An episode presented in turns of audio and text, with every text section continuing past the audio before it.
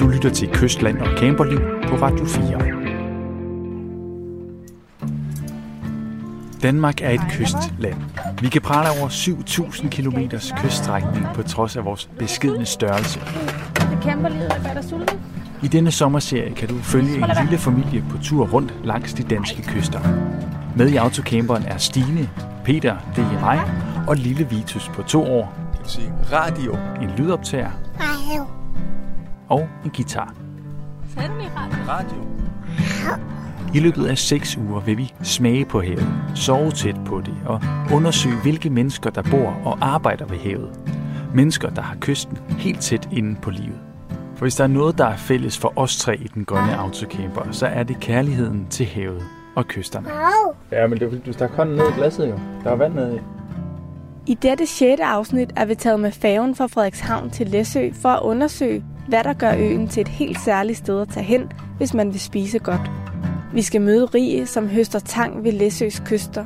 Et af de mest oplagte steder at høste tang er ved Læsø, fordi at vi har så mange stenrev omkring øen. Høre om de helt særlige brune bier, som biavlere på øen kæmper for at bevare. Ja, det særlige ved den brune bi er, at det er den oprindelige bi i Nordvesteuropa. Og så skal vi selvfølgelig smage på havets guld, som Læsø er kendt for. Det er hummerne, vi tager fat på nu. Og vi har jo hentet dem nede på havnen i morges. Der er ikke længere hoveder på. Men vi skal, det der så smukt hedder, vi skal, vi skal røve dem. Men først besøger vi Læsø Sydsalt, som har genskabt en oldgammel tradition, og nu på 30. år laver gourmetsalt. så kan du høre den her crispy lyd. Jeg ved ikke, om den kan tage det, Det kan man mikrofonen. Men det, man altid måler det på, det er ved at gøre mellem to fingre. Tag med på et uforudsigeligt radiofonisk roadtrip langs de danske kyster. Vi er nu øh, stået op her ved Læsø Sydsalt. Hov, oh, smækker døren. Det er jo en, øh, en stor turistattraktion her, Læsø Sydsalt, som har eksisteret i, i 30 år. Og det er altså øh, Paul Christensen, også kendt som Sydpaul, der var en af grundlæggerne af det her sted.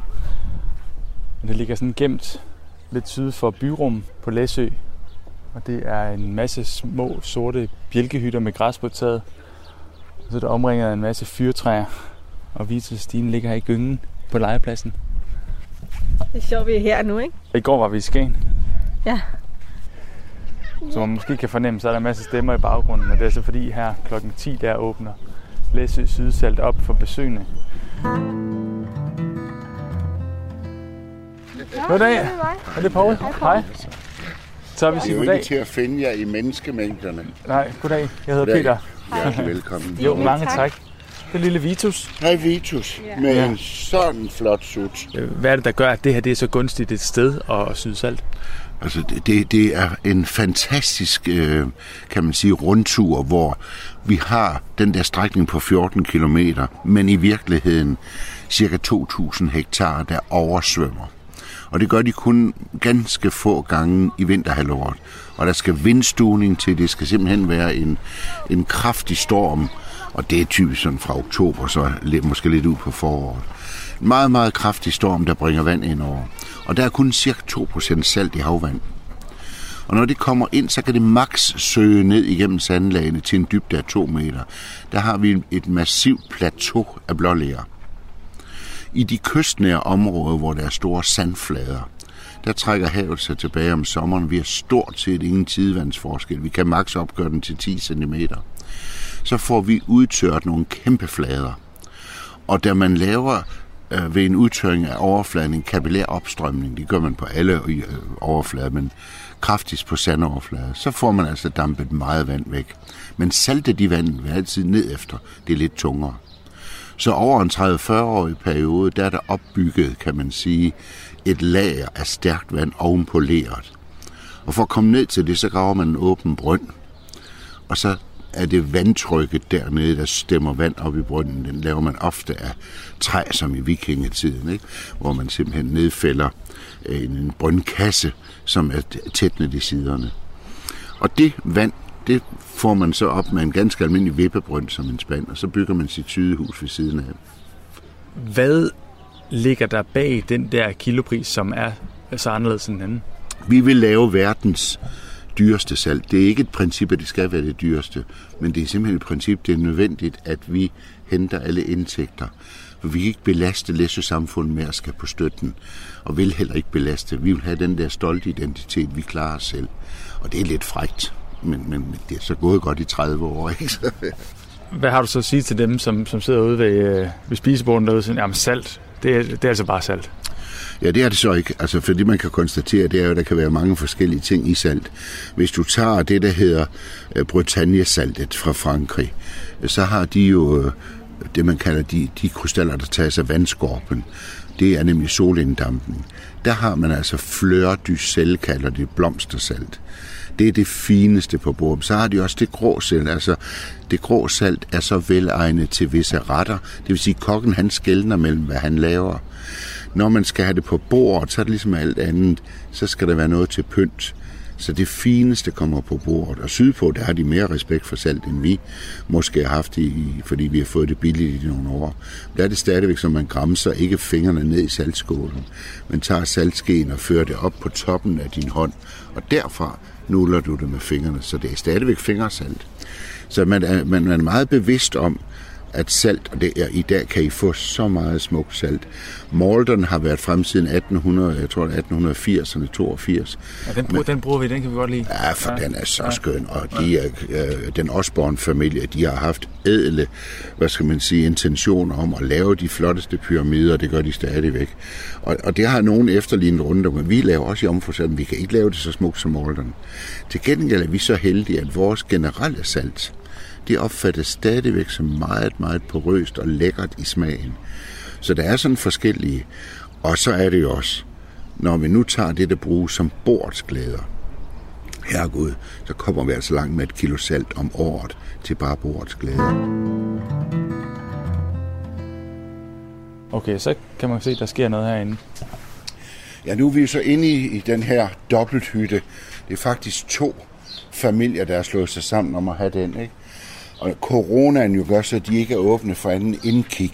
Men nu vil vi alligevel listet ind, fordi vi kender det jo. Og det I kan se her, det er jo der, hvor panderne står og damper vand væk i de processer, som jeg kalder siden. Det er cirka 80 grader. Der er der vanddamp. Væk, væk. Vi skal have koncentrationen op. Og når så saltindholdet er de her 5-27 procent, så kommer udfældningen af krystaller. Og så går vi lidt ned i temperatur, så vi hele tiden har styr på det, vi laver. Ja, og du kan se, når du siger pande, så er det sådan en, ja, hvad er det, 4, 4 gange 3 meter, øh, hvad hedder det, øh, Jernpande. Øh, jernpande, så, så, der, så det er jo, øh, man skal ikke tænke sådan en, en pande, der står på køkkenet. Det er jo en store, hvor mange liter kan der være i sådan en der? Altså når den er fyldt helt op, så taler vi sådan mellem 2 og 3.000 liter. Ja, okay. Og det, der sker nu i de pander her, det er, at der bare skal dampes vand væk og dampes vand væk. Men du kan se, der står pileflettet kurve øh, hen over panden på sådan et, et, et, et træbræt, der går hen over. Det er det, de øser op om morgenen. Det er altid 24 timers processer. 24 timer med at dampe vand op til koncentration. 24 timer med en udfældning af salt. 24 timer med en tørring. Og så kommer så ophusning og salt.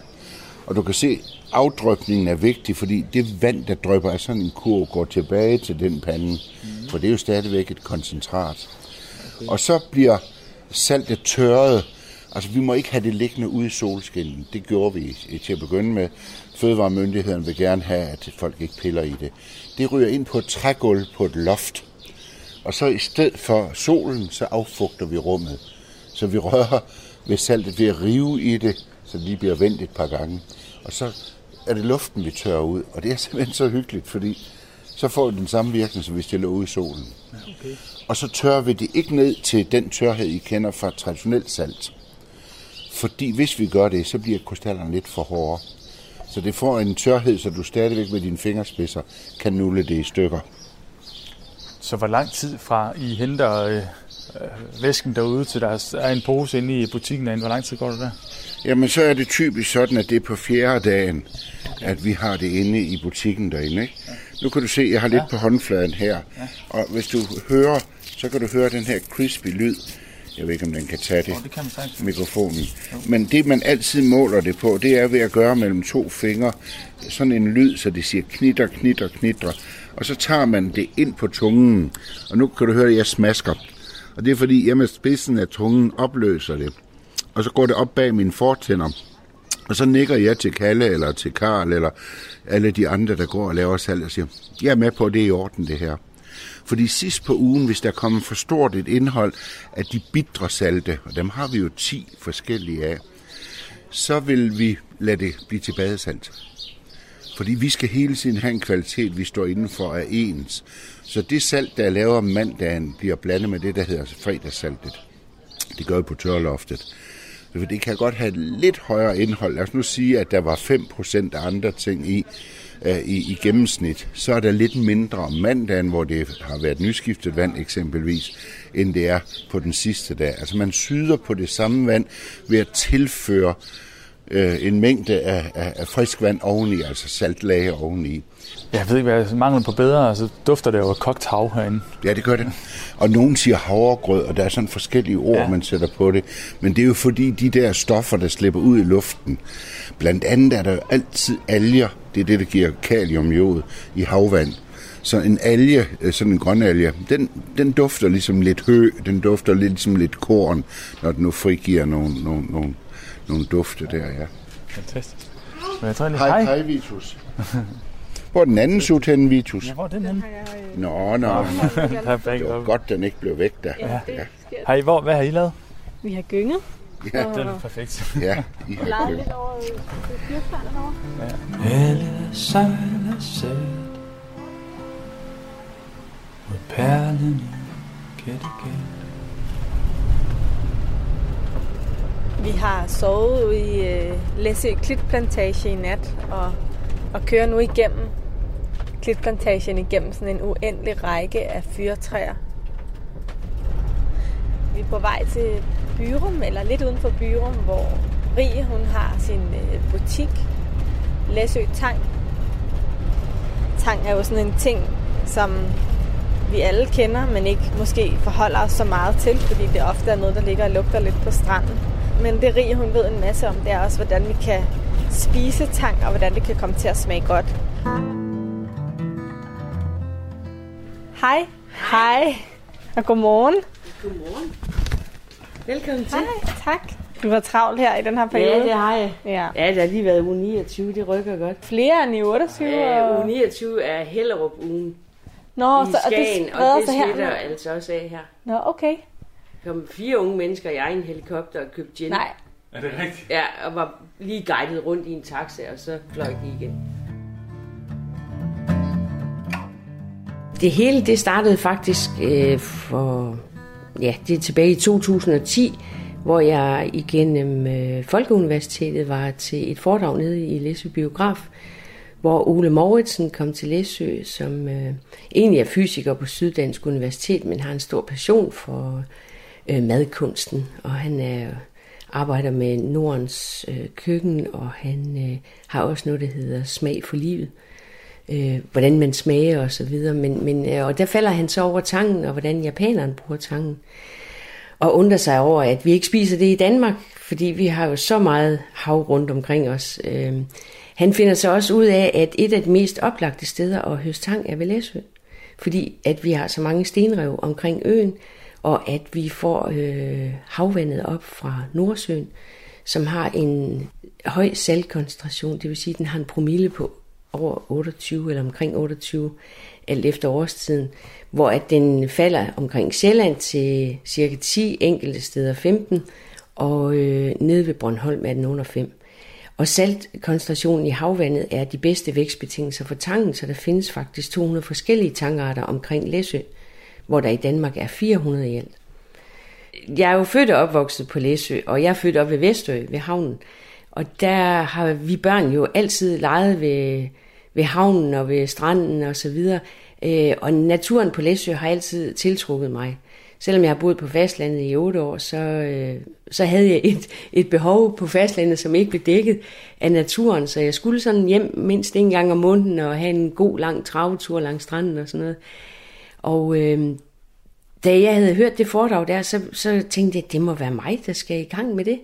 Øh, jeg var fuldstændig grebet af det, og så, så gik jeg i en fire år og, og tænkte lidt over det og sådan noget, og så mødte jeg jo så min nuværende mand, som synes det var en genial idé. Øh, og der fandt jeg jo så hurtigt ud af, at det, folk vidste lige, lige så lidt om tang, som jeg selv gjorde, da jeg startede ud med, hvordan man brugte det i maden og sådan noget. Men, men øh, folk bliver mere og mere bevidste om det og bekendt med, at det er sundt at spise tang. Øhm, og jamen, der er jo rigtig mange gode egenskaber ved tang. Der er højt proteinindhold, øh, højt fiberindhold. Det er jo altid blevet øh, omtalt, at, at det er sundt at spise fiskeolie. Men fisken har jo egentlig sin olie, fordi at den via fødekæden får øh, olien fra tangen.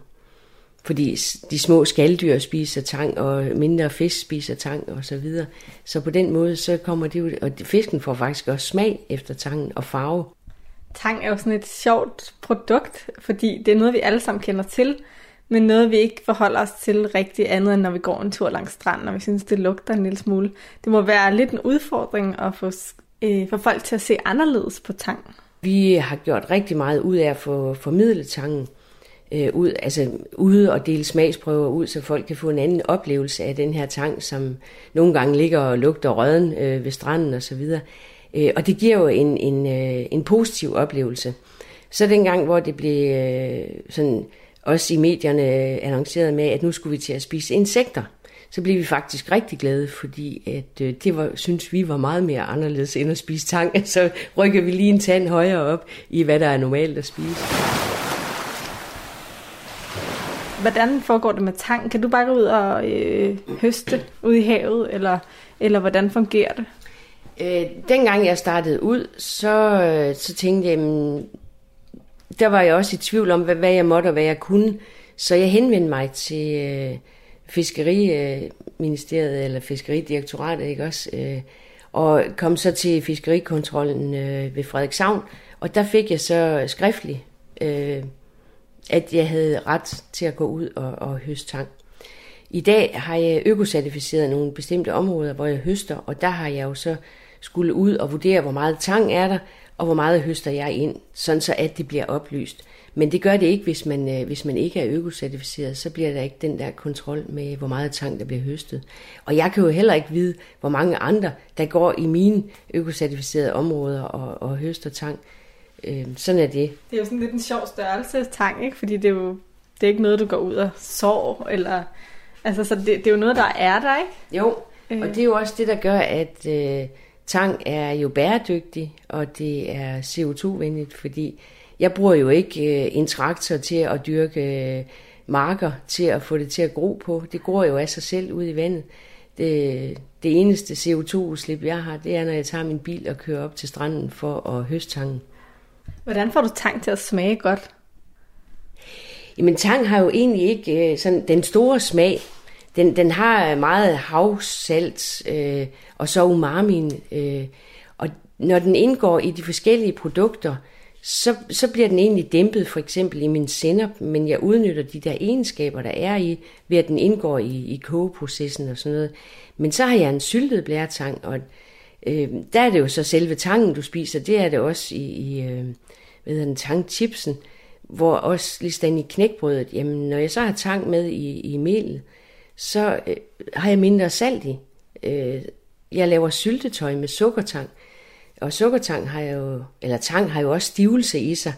Man udvinder jo stivelsen øh, agar fra tangen, og øh, den, den udnytter jeg i syltetøjet samtidig med, øh, for eksempel så har jeg 8% syltetøj i, i den øh, mængde, jeg nu laver, og så har jeg nedsat sukkerindholdet med 25 procent, så det er jo både umamin og stivelsen, og, og den, det er jo ikke meget sukker, der er i sukkertang. Øh, den indeholder mentol, det er derfor, den har fået navnet sukkertang, men at øh, den, den giver jo lidt sukker alligevel, men ikke, ikke den samme mængde, som jeg har trukket ud af den. Hvor tror du, vi er på vej hen med tang? Tang kommer til at spille en stor rolle på alle mulige måder, blandt andet fordi man har fundet ud af, hvordan øh, nede på Silkeborg sygehus, et forskningsprojekt, der har kørt over fire år, hvordan at tang øh, genopbygger tarmfloren. Øh, man har fundet ud af, at øh, metangassen ved kvægen bliver øh, reduceret væsentligt ved, at den øh, får tang i sit foder.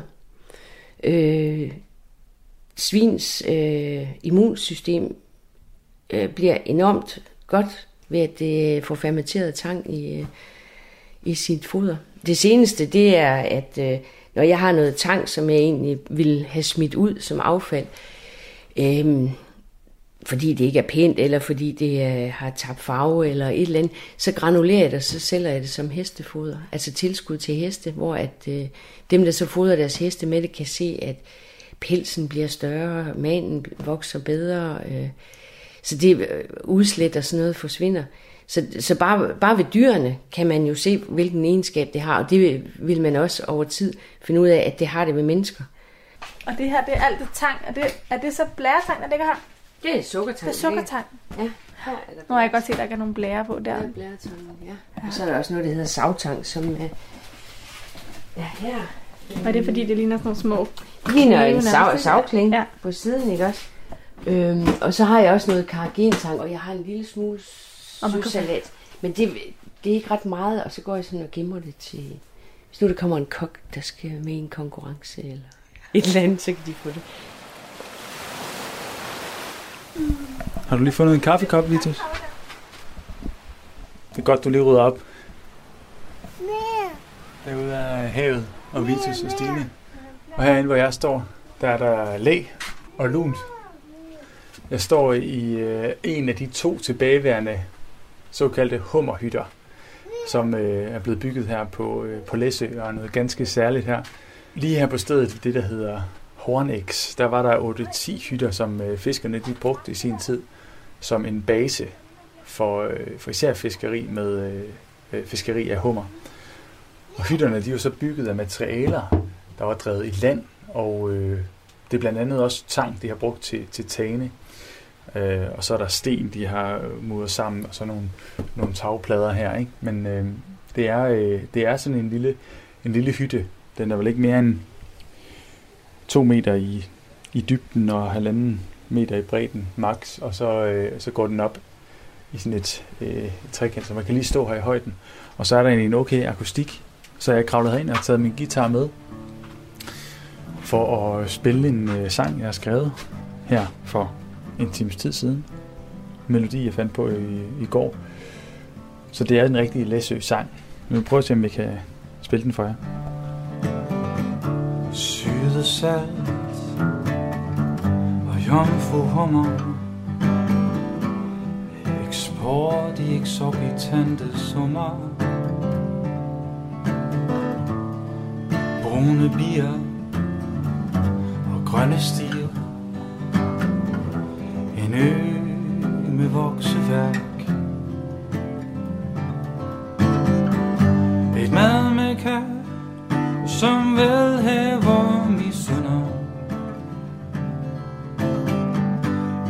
der et libitum af havets vidunder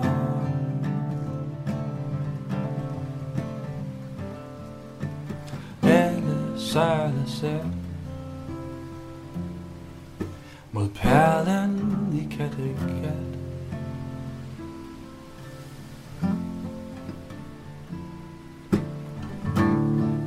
Befolket af fisk og af få.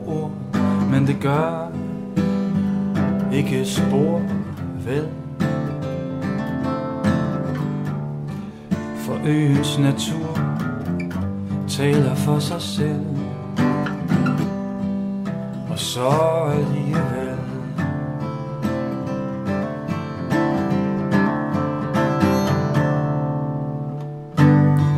Et mad med kær, som vil have misunder.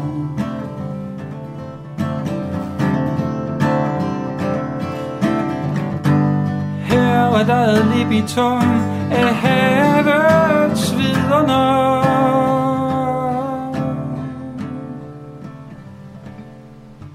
Alle sejler sat mod perlen i Kattegat. Alle sejler sat mod perlen i Kattegat. Ej, Vitus, har du fundet en spand med noget vand? Kan du fylde den op igen? Kan du fylde den op igen? Spanden. Jo. Åh, det er lækkert.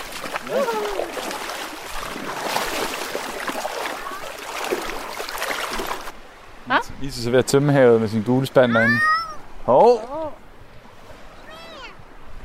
Ja, du kan bare, gøre, bare tage en spand mere. Tag en spand mere. Ja, bare fyld den op.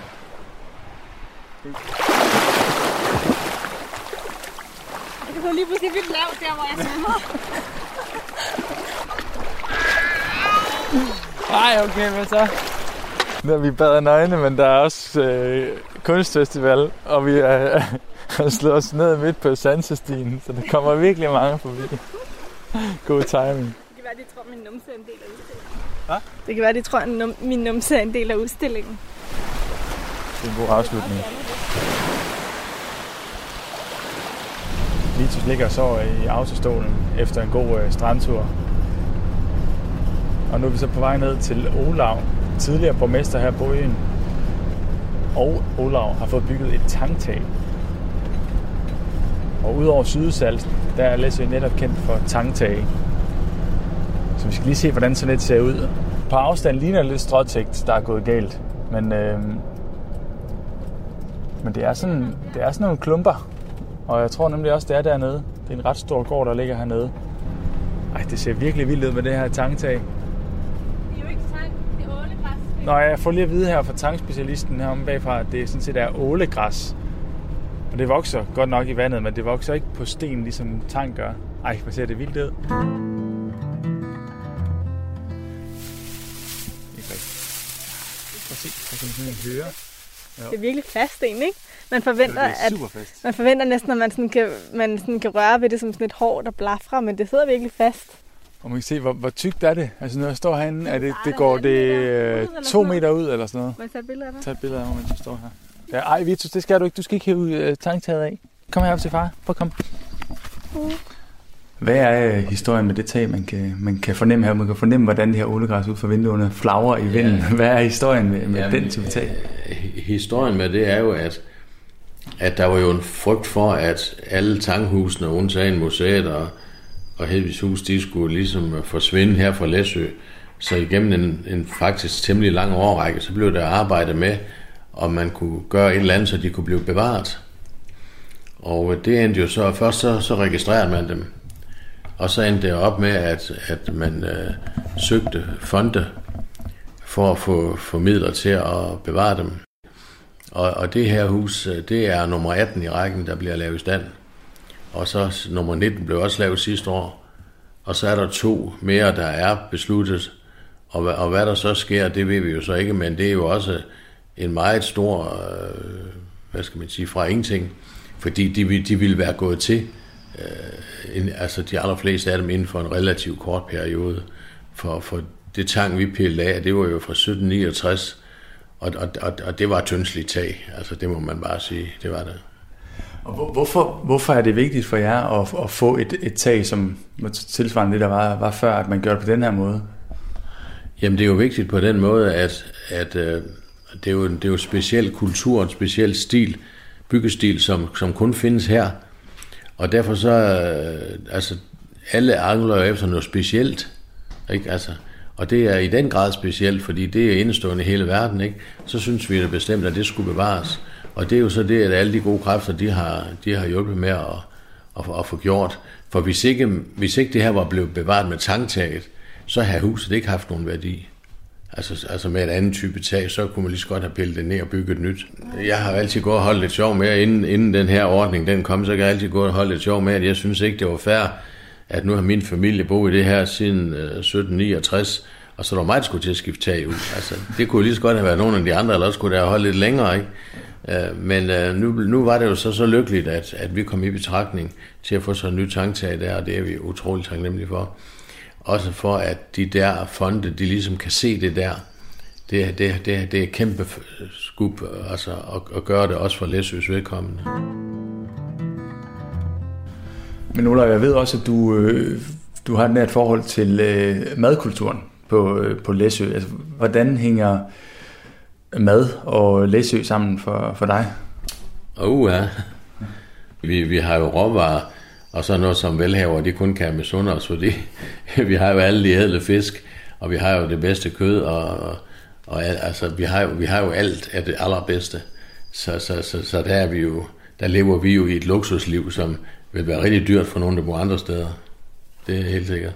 Men det er også noget med, at du har lavet en kogebog en gang i forhold til det, det med egen, egens retter, som jo er blevet meget populært her på det seneste, at man dyrker ja, lokalt, altså, og får lokale råvarer. Som jeg til dig i telefonen, at ja. vi var sådan en lille smule foran vores tid, fordi at den udkom jo 92, og så var det jo så ligesom lidt inden, inden det rigtig startede op, men nu er det jo blevet meget populært. Og det skyldes faktisk, at Kirsten, som jeg har skrevet den sammen med, hende mødte jeg hen på færgen en dag, og, og vi har kendt hinanden helt fra ungdommen der, og så, så siger Kirsten, ved du hvad, alle de der forskellige retter og det der, det, det, det forsvinder altså totalt. Ja, skulle vi ikke uh, gå sammen og så skrive sådan en kogebog? Og så var jeg jo med hug på det med det samme. Øh, den ligger, den ligger jo simpelthen her. Nu skal jeg se, om jeg kan udtale Jeg er, jeg er fra Aarhus, nu skal jeg se, om jeg kan udtale det rigtigt. Vi får god fø på Læsø. Ja, det, den, det var ikke helt ved siden af det der. Vi, Men det er jo, vi, vi, vi får god fø på Læsø. Ja. Og hvis man ikke øh, er, er her fra egnen, så kan man godt se, der der hænger nogle, øh, nogle, øh, nogle, tørfisk. nogle tørfisk der ja. på en snor, så det er noget med noget mad. Men øh, man har udladt øh, det, og så er der lige sådan en abstrakt, så det hedder fø. Mod perlen i Kattegat. Det bedste, I kan lave, hvis, hvis I kan skaffe det, det er jo hele kogte jomfruhummer af libitum. Det er vores øh, kommuneingeniør, Jan Kærgaard og mig, vi lavede sådan en ministermenu, kaldte vi den. Og det var hver gang, vi havde ministerbesøg, det har vi forholdsvis tit. Så, så har jeg tog hjem altid med hjem, fordi at vi kunne ikke rigtig sætte ud på en restaurant her og med en minister og sådan. Det, det duede ligesom ikke rigtigt. Altså det, og, så, og så skulle vi jo have, så skulle vi jo have noget mad, hvor at, at, at, at når de kom, så var vi færdige med at lave mad, så, så, så, så, fordi vi skulle ikke stå ude i køkkenet, så vi skulle ind og snakke. og som følge der, så, så, så fik de altså hele kogte jomfruhummer de er jo kogt i forvejen. Og så øh, nogle gange fik de en lille forret, og så bagte vi en franskbrød, så fik de det til begge dele, og så var den ikke længere. Og de har ikke øh, klag over kost nogen af dem, altså det har de ikke. Det smager fantastisk.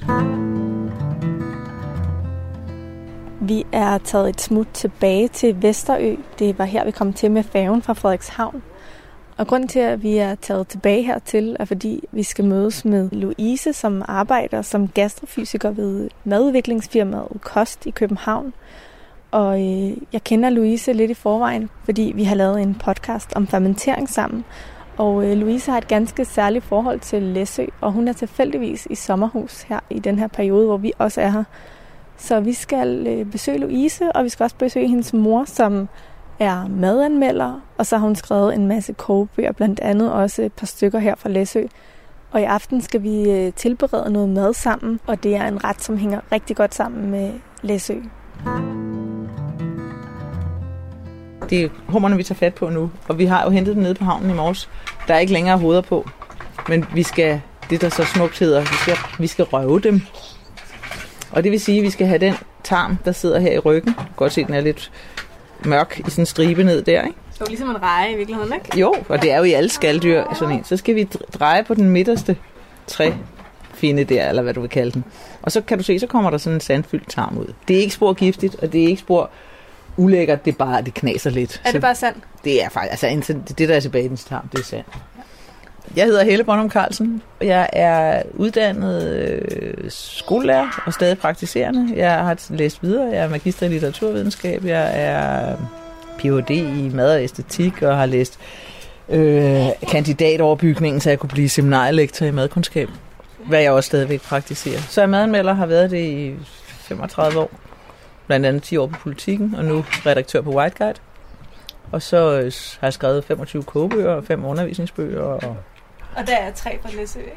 Tre der er tre, jo. De to er mine egne fra Læsø, og den sidste er en bestillingskogebog, som jeg har lavet faktisk sammen med Louise øh, fra Jomfrumer Festivalen, hvor vi genskabte opskrifterne ud fra en kokkeanvisning, der sådan cirka hed, ja, jeg tror, jeg tog en kasse øh, Jomfrumer noget dild. Jeg hedder Louise Bæk Brøndum, og jeg er Helle Statter, som man måske kan regne ud, og øh, har læst øh, fødevarevidenskab og en overbygning i øh, noget, der hedder øh, Food Innovation and Health, og har brugt det som øh, både at øh, være det, blive det, man kalder gastrofysiker. Hvorfor er jomfruhummer så særligt for Læsø? Altså, øh, der er rigtig mange hvad hedder det, banker, altså rigtig mange områder herude i øh, Kattegat, hvor øh, der er jomfruhummer. Det er der også ude i Nordsøen. Og det er i de områder, hvor læsøfiskerne typisk har gået ud og fanget fisk, og det kom med som, som øh, skidt, eller som ekstra øh, fangst. Bifangst hedder det. Øh, og det var først i 68, at man fandt ud af, at der faktisk var en glimrende industri i det her, til især til syd, et marked i Sydeuropa, hvor de jo længe gerne har ville have skambi, eller hvad de har kaldt dem. Det er jo ikke skambi, men de har jo kaldt dem alt muligt forskelligt. Øhm, og, og de har, det er deres hovedmodtager i dag, også det er Sydeuropa, Italien og, og Spanien praler jo altid af, at de har jomfruhummer fra Læsø. Så kan vi sige, at ja, det er godt med jer. Det gider vi da ikke høre om. Men, men øh, da jeg var barn, og min far var, øh, han har været barn på Læsø et par år, øh, så der var mange af fiskerne, der kunne genkende ham. Så når vi gik ned på havnen, så råbte de altid, om han ikke lige skulle over og have en pøs hum, hummer. Og det var fordi, det havde de fået ekstra med ind. Så fik vi sådan en sinkspand med, fyldt med jomfruhummer, som vi så skyndte os hjem. Vi havde ikke køleskab, så det kunne ikke holde sig. Så skyndte vi os hjem og kogte dem med det samme og spiste dem samme dag til frokost. Og det var simpelthen fordi, det var ikke det, de, var, de kunne tjene penge på. De tjente penge på, på rødspætter og øh, søtunger og pigvar, men primært rødspætter. Det var det, de fangede dengang. Og i dag er rødspætter og søtunger og pigvar bifangst. Så det har, de har lige byttet plads. Er, det, er, er jomfruhummer noget særligt for øh, læsøboere, eller tager man det lidt for givet? Eller? Både og. Det er noget, de ved godt, altså det er faktisk, det, der, historien er blevet fortalt så grundigt, så de ved godt, at det er noget særligt. De er stolte af deres jomfruhummer, de er stolte af festivalen. Og de serverer det meget gerne. De har sådan en særlig uh, tradition, at uh, de godt finde på at spise jomfruhummer til aftensmad. Men de serverer det også. Første gang jeg fik det på en lidt anderledes måde, var, at min meget, meget søde nabo spurgte, om min veninde og jeg ville med ind til en kop kaffe. Det ville vi gerne, og så fik vi en kop, det var om eftermiddagen, så fik vi en kop kaffe, og så fik vi et fad jomfru, nykogte jomfruhummer og et stykke chokoladekage. Og det var ikke sådan, jeg plejede at spise jomfruhummer, men altså, på den måde indgår det ligesom, man kunne vel godt i andre steder i Danmark sådan med mere naturlighed tænkt, at man fik en bolle med ost og en chokoladekage. Så var det her jo så et stykke franskbrød med jomfruhummer. Det var tilgængeligt. Hvad er jeres forhold til, jeres forhold til Læsøs madkultur? For mig madkulturelt, så er Læsø det at cykle ud om morgenen og ikke vide, hvad man skal have til aftensmad. Og dagens projekt, det er ligesom at finde ud af, hvad, hvad stod jeg på på min vej? Hvad bliver der solgt langs øh, landevejen af Ja, måske er det, man heldig, der er skalotteløg. Måske er der lige pludselig en, der har høstet sin courgette. Øh, det kan også være, at der er en, der man er heldig, at der er jordbær eller hindbær. Ja, min mor har været ude og hamstre. Og hamstre. De er meget små og fine. De er meget små og fine, og det, jeg tager sådan helt stakfuld med hjem. Det ligner jo bare sådan et lille hvidløg, altså sådan et, ja. et fed hvidløg, ikke? Jeg tager sådan helt stakfuld med hjem, så hænger jeg min øh, nylonstrømper, og så holder de hele vinteren. Ja. De øh, bliver ikke dårlige, de bliver ikke mugne, rådne, øh, noget. De er bare super gode. Mm, hvordan smager de anderledes end almindelig løg? De er mildere og mere krydret. Vil du ikke sige det sådan, Louise? Jo, og sødere. Og sødere, ja. ja. Det er det, jeg tror, jeg, jeg mener med mildere. Ja, ja. Min mor har jo skrevet kogebøgerne Mine og Vores Sommer i Paradis, og det er jo fordi, at vi jo har tilbragt øh, alle vores sommer heroppe. Øh, og det har jeg har været heldig at have forældre, der ligesom har kunne holde skole sommerferie, så det har, det har næsten været i hvert fald over en måned, vi har været heroppe. Øhm, så på den måde, så får man jo en tilknytning til, til den sæson, men også, øh, men også stedet og dem, der bor her, øh, som jo bare er mega hyggeligt. Og jo ældre man bliver, så får man jo også nye kendskaber, fordi man lige pludselig interagerer på en anden måde. Øh, og så i og med, at jeg altid så også er faldet i den der madgryde og har interesseret mig for det, så har jeg jo lige pludselig fået nye bekendtskaber ved at cykle rundt på øen og skulle øh, besøge haver. Ja, Paul og Irma. Øhm, og folk er jo bare så dejlige herovre, at det, jamen så, når de så ser, at man kommer igen tredje gang og køber deres øh, courgette, så bliver man da lige inviteret indenfor på kaffe, og så og en lille øh, syltetøjsmad, og det er bare, altså man skal i hvert fald sætte tre timer af for lige at tage ud og handle. Skål. Ja. Yeah.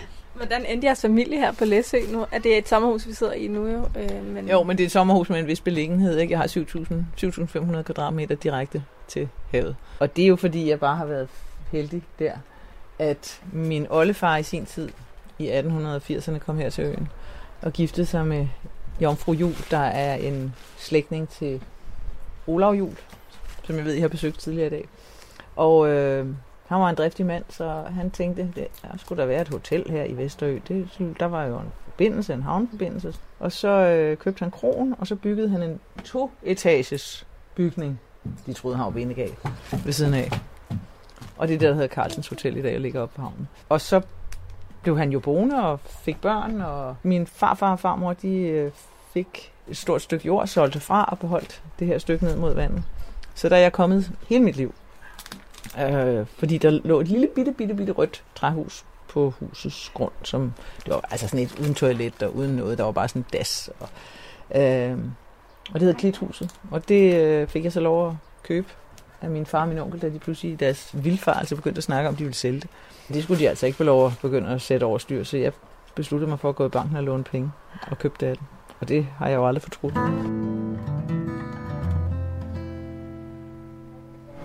Men jeg vil sige, det Læsø også kan, er bare, at der er nogle sindssygt smukke naturområder, der er svære at finde andre steder. Mm. Øh, netop som du siger, det er meget barsk, ikke? Du har lyngen og øh, de her, altså jeg ved slet ikke, hvad man kalder de her områder, men som bare er strandingen, strandingen ikke? Og, og ude ved stokken, ved jeg ikke, om I har været ude ved, men det skal I prøve at tage ud.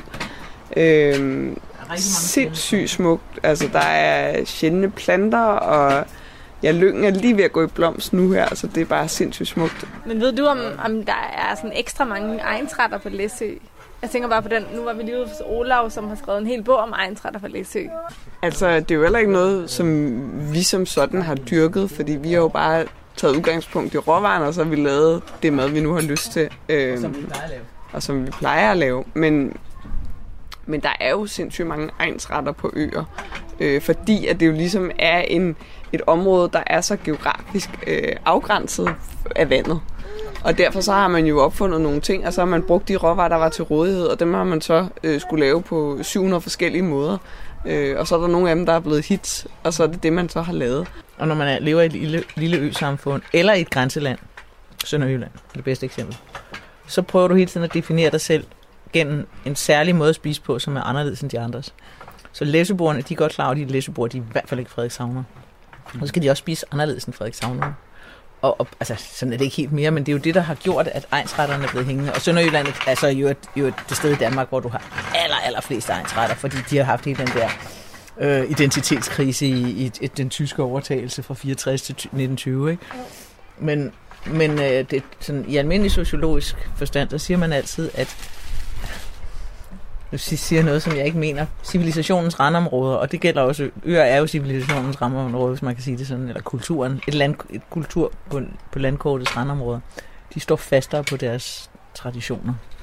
Og så tror jeg jo også, man kan se i dag, altså med alle de her madfestivaler, der popper op rundt omkring, Sol over Gud hjem, Jomformer Festival heroppe. Sol over Gud hjem er selvfølgelig en ret, men det er jo også silden, Øh, så det er endnu mere råvarerne, der kommer i fokus. Du har også kartoffelfestivalen på Samsø. Ikke? Så alle prøver ligesom at finde et eller andet øh, råvarer, som, karakter, som de er stolte af, kommer derfra, hvor de er fra. Ikke? Øh, så det, det tror jeg da er noget, der også karakteriserer øer, men også bare egne i det hele taget. Hvordan er det at røve øh, jomfruhummer? Jamen, jeg synes, der er nogen, der er... Nu sidder jeg lige derude. Det er det her med at tage tage tarmen ud, og jeg synes, der er nogen, der er lettere end andre. Men jeg tror, jeg er ved at have taget. Have taget. Ja, men jeg kan godt, men jeg, nu, jeg, ja, det er det, men jeg kan godt sidde og kigge, men så, jeg sagde til mig selv hele tiden, okay, Helle har 30 års erfaring, det er okay, at jeg, at jeg fedt lidt mere med det. Ja, så skal de pille senere, ja, det er ja. klart. Ja, så kunne vi synge en sang, men det gør vi ikke. Nej, bare roligt. Jeg skal nok lade være. Ja. Det, ser. det kunne ellers være på mig. Nej, min mor har en sang til alt. Er det rigtigt? Alt med heroppe. Kantareller, jomfruhummer, det var den, jeg hummer sang. Alle hælderne skal knyttes af, så kan komme til. Kødet sidder under skallen. Husk at få det hele med. Og så bliver det smidt op, så bliver det smidt op i kogende vand. Og øh, altså, folk herovre, de har mange bud på, hvor længe hummer skal koge. Og hummer skal i virkeligheden slet ikke koge. De skal bare lige op til kogepunktet. Okay. Og så skal de op. Fordi det er så sart et kød, og der er så tynd en skal i forhold til for eksempel krabber, som jeg har kogt. Der er også forskel på, hvad folk synes. Jeg har jo en gryde fuld med krabbeklør herover. Og Dem har jeg kogt en 5-7 minutter, og så har jeg lavet dem stå i kogevandet og hvile, fordi så sætter det sig. Og nu hælder jeg kogevandet for dem, og så kan vi gå i gang med at ondulere dem også. Ikke? Det er noget dejligt svineri. Jeg koger halvdelen nu, og så Ja. spiser vi dem, og så koger jeg den anden halvdel, mens vi spiser dem, og så spiser vi videre. Og hvis der bliver noget til overs, så er det faktisk sådan, så alle skallerne, dem gemmer jeg, og så det kogevand, jeg har kogt det hele i to gange, og der blev kogt, kogt to hold i det, ikke? Så skallerne, dem, øh, kogevandet tager jeg op, skallerne bruner jeg ned i gryden, jumser dem helt i stykker, og så hælder jeg kogevandet på igen, sammen med en lille chat vin, hvis vi ikke drikker op, og ellers finder jeg en chat et andet sted. Og så øh, koger vi det ind. Når det ko- så koger det et kvarter, så siger vi det, og så koger vi det ind. Og så har vi sådan nogle små bøtter herovre. Hvis jeg skal finde dem. Ja. Og der, Du kan se det, det er hummerfisk. Så er jeg simpelthen klar til... øh, Og så laver vi risotto. Åh, oh, som bare koger med hummerfisk. Det er simpelthen Ja, okay, så det der, så, man, så alt det, det grætværk, det kan man så bruge, øh, genbruge det. genbrug. Ja. Ja. Der er smag i det stadigvæk. Ja. Og kogevandet er der smag i. Lækkert. Og hvad så, hvad, hvad øh, fordi det, som vi kunne fortælle, så skal der jo ikke så meget til øh, sådan noget smag til. Hvad skal, hvad skal man have til de her jomfruhummer? Øh, Altså godt med salt i vandet. Der er nogen, der Ja. også kommer sukker i. Det synes jeg ikke er nødvendigt. Så har Louise bagt noget, nogle fantastiske flyt af Ølands øh, hvedemelet ude fra Jakob Læsø Økologi. Mm. Og så har vi rørt en øh, mayo med noget creme fraiche og noget dild. Altså Jakob dyrker også noget ret skønt dild. Og han har også dejlig hvidløg, så der er hvidløg og dild den der. Og nada mas, og så er der citroner. Og så er det bare, altså keep it simple, less is more. ja, det lyder Læsø mor. Læsø, Læsøs mor. Det lyder, det lyder helt fantastisk. Men det er jo også fordi herover så altså krydderurterne herover smager jo bare. Altså der er jo ikke noget værre end at komme hjem og så købe den der tavlige dild i supermarkedet, som ikke smager Græs. af andet end græs. Og vi skal også have en salat fra øvrigt. Ja, og en salat skal vi Det også have. Så tager man en ordentlig håndfuld, og der er jo en manelsesportion ja. deroppe. Altså, I skal spise til, I ikke kan mere. Og der sker det med hummer, at man bliver jo pludselig mæt. Det er sådan en proteinmæthed, som bare siger, wup, lige pludselig. Så skal det være. Det er noget af luksus at kunne, at kunne spise sig midt i jomfru hummer, ikke? Og det er det, hvor jeg tænker, jeg forstår ikke, at der ikke er et spisested på Læsø. Hummerens hus for eksempel. I stedet for at sige, at du kan få 20 hummer for 350 kroner. Lad være med det fedteri. Sig, for 350 kroner kan du spise, til du kaster op. Altså der kan du få lige så mange. Du kan selvfølgelig ikke dele den med din nabo. Med din, altså det er en one person ting, ikke? Men lav en servering, der hedder all you can eat for en gang skyld. Bare jomfruhummer, ikke? Det synes jeg vil være en ægte læsø ting. Det er altså et godt eksempel Sådan. på, at øh, simpel Det mad er god mad. Nej, ikke? Jo, det er det bare. Ej, det smager virkelig godt, det her. Øh, Det er det virkelig godt. helt vildt lækkert. Vil du have, prøv at se, det her, det er, det er faktisk krabbevitus, det her. Krabbe smager mildere. Ja. Vil du få smag krabbe? Ja, smager mildt. Alle sejler selv.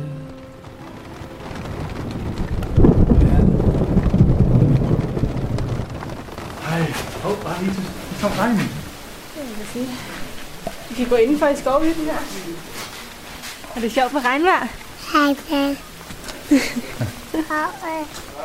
Regne? Hej. Det er bier, vi to skal bier der rundt her. Hvad siger bilen? Bil. Hov. Au, au. Jeg hedder Karl Johan Junge, og jeg er efterhånden ved at være en ældre herre, der er gået på pension som lærer. Har været lærer heroppe på Læsø i en menneskealder næsten. Og øh, så har jeg jo nogle hobbies ved siden af. Interesserer mig blandt andet for bier, men også en lang række andre ting. Jagt og fotografering faktisk. Det laver jeg en del af. Og du har din Så- jagthund med i dag. Ja, jeg har min jagthund med i dag, ja. Ja. Den øh, trænger til at blive luftet, og vi har sådan en dejlig hundeskov her i nærheden hvor vi er nu. Og det, øh, det, det gør lige, at den får løbet det gale af sig. Og det er en god ting. Men du er jo forhenværende øh, formand for de, hvad hedder det, biavlerforeningen i, Ja. på Læsø. Ja, Læsø Biavlerforening. Ja. Det er rigtigt. Ja. Det har jeg været i mange år. Altså, jeg tror, jeg fik bier i 82. Og hvor er det, vi står lige nu? Nu står vi oppe i Skovhytten.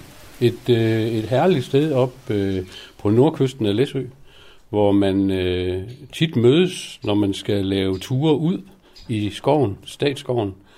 Og øh, her har vi fået lov at lave sådan et øh, udstillingslokale med brune bier. Og øh, det har vi været rigtig glade for, fordi øh, der kommer rigtig mange mennesker forbi. Og den er åben udstillingen dag og nat Så man kan komme op og kigge bier, når man har lyst. Og udover at jeg er øh, helt forelsket i honning som øh, produkt, så en af grundene til, at jeg jo ringede til dig, mens vi er her på Læsø, var fordi, at, at jeg godt kunne tænke mig at høre noget om den brune bi, som er jo meget særlig her på Læsø. Øh, hvad, hvad er det særlige ved den brune bi? Ja, det særlige ved den brune bi er, at det er den oprindelige bi i Nordvesteuropa. Så hvis man går tilbage til fra før krigens tid, altså før, før 2. verdenskrig, så var der kun brune bier, faktisk, i Danmark og i store dele af hele Nordvesteuropa. Men efterhånden, så har man indkrydset andre biraser for at få nogle andre bier ud af det. Og det er nogle bier, som måske var egnet til at bestøve nogle andre afgrøder, end den oprindelige brune bi er. Så det er nok øh, årsagen til det. Og så er øh, biavlere lige så, de ønsker lige så meget at, at, at, at fremme deres egen biavl og gøre den mere effektiv.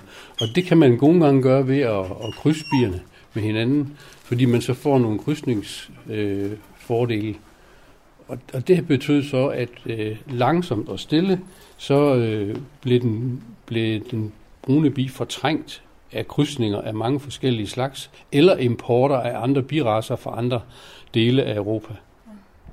Og jeg ved jo ikke, fordi det skal være en lang smøre, men jeg ved, det er jo lidt af en konflikt her på Læsø med den- altså den her øh, at holde den gule og den brune bi adskilt. Ja, den, den gule bi kommer jo oprindeligt fra Italien, og, og den er noget anderledes at arbejde med. Det er rigtigt, men øh, grunden til, til striden var jo, at man her på Læsø i mange år havde arbejdet for at få det til et renavlsområde for brune bier, fordi man synes, det var spændende at have sådan en, den oprindelige danske birace gående et sted i Danmark i hvert fald. Og det var holdningen, og det er et- et holdningsspørgsmål. Og, og der var så nogle holdninger, der var lidt op at brydes i en periode. Og det, øh, ja, det er aldrig godt for et lille samfund. Et lille samfund, det, det, der skal folk faktisk helst holde sammen. Lave nogle projekter, og så arbejde sammen om det. Det er det vigtigste, ikke også? Der var så en periode, hvor vi ikke var ret gode til det. Det må jeg sige. Og hvor er vi hen i dag med den konflikt? Ja, i dag øh, er der ikke nogen konflikt. Man har fundet en, et kompromis, som biologisk set ikke er særlig godt, men det, det er et kompromis, og det er da i hvert fald lykkedes at bevare den brune bi øh, alligevel. Det er det. Men det kræver en ekstra arbejdsindsats af alle de avlere, som vil arbejde med brune bier. Og det er det, der er problemet, at de hele tiden skal være opmærksom på, at deres bidronninger skal pares et sted på øen, nemlig ude mod øst. Og hvis de ikke bliver det, så bliver de ikke renpart. Er der forskel på den honning, man får ud af avl med den ene og den anden slags bi? Der er ikke meget forskel på det. Det, det er ikke det, der er problemet i det her. Det, man kan sige, at øh, honningen er den samme. Men hvis jeg lige skal spørge dig omkring den her honning, øh, hvad er det særlige ved honning fra Læsø?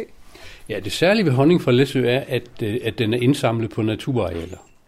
Altså, der er faktisk ikke noget honning, der er indsamlet i... For, der er ingen rapsmarker og sådan noget, ikke også, som de kan hente honning på.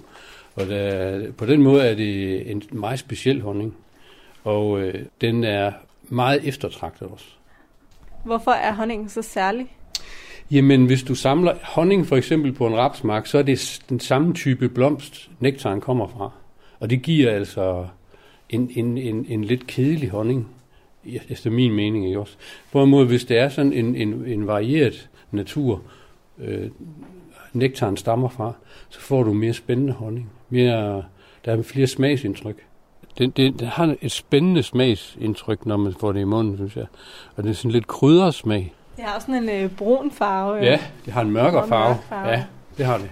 Er det... Hvor, altså, Og hvor, det, det er meget lyngen, der giver den der... Øh, lyngen er med til at give den der brune farve. Så øh, det er karakteristisk for den. Og, og, og meget af det honning, vi sælger øh, på Læsø, det er jo øh, delvis lyng, ikke også? Altså det er halvdelen af det måske lyng, eller lidt mere. og så er der også hindebær, ikke? Jo, det er der. Ja. Ja. Men det er ude på den sydlige del af øen. Det er dejligt område, er det ikke? Du det? Jo, det, det, Ja. det er lige mig. Det er også kantorelområder og sådan noget her. Altså lige her. Tror du, jeg kan finde nogen nu? Det har været sådan en lang tør periode, ikke også? Og jeg tror, det er måske lidt vanskeligt lige nu, fordi øh, nu skal der lige lidt vand til igen. Altså, det har jo været sådan, at vi fik jo noget vand en, en lørdag for, jeg ved ikke, at en måneds tid siden eller sådan noget. Og så har der været tørt hele tiden, så er der kommet en lille smule vand her nu. Men det er ikke nok, tror jeg, til at sætte gang i det der. Det tror ikke. Men lige efter den der våde periode der, der skal jeg lov for, at der var kantereller over det Vi har hele. ligget og ventet under overfladen. Ja, de har ligget bare på at boble op der, ja. Ja. Det er helt sikkert. Ja. Men rigtig god sommer. Ja, i lige måde. Tak igen. Og god tur. Tak skal du have. Ja, vi skal finde noget honning. Åh, oh, der er honning. Jeg tror, det er det fra de brune bier, eller hvad? Skovhonning. Den er virkelig mørk, hva'? Håndpresset skovhonning. Håndpresset lynghonning. Tror du, den krystalliserer? Det ved jeg ikke. Med tiden gør den nok, ja. Der har vi nok spist den. Vi kan godt tage en af hver. Vi- Vi tager en lyng et andet sted. Skovhonning. Lige store beslutninger. Ja, det er det altså. Hvilken honning skal vi have ud over de syv, syv glas, vi foran har? Hvis det kan gøre det. Vi har ikke noget honning syv. fan af. Så tag en... Vi kan også have to skovhonning i stedet for. Hvad, du- sagde du to lynger og en honning i skov? Ja. Så tag to lynger og en skov. Det er 200 kroner. Bum. Jeg har brugt 600 kroner på honning i to, for to uger. Og vi har spist tre glas for to uger. Det mener, men altså, så har vi en til en gave.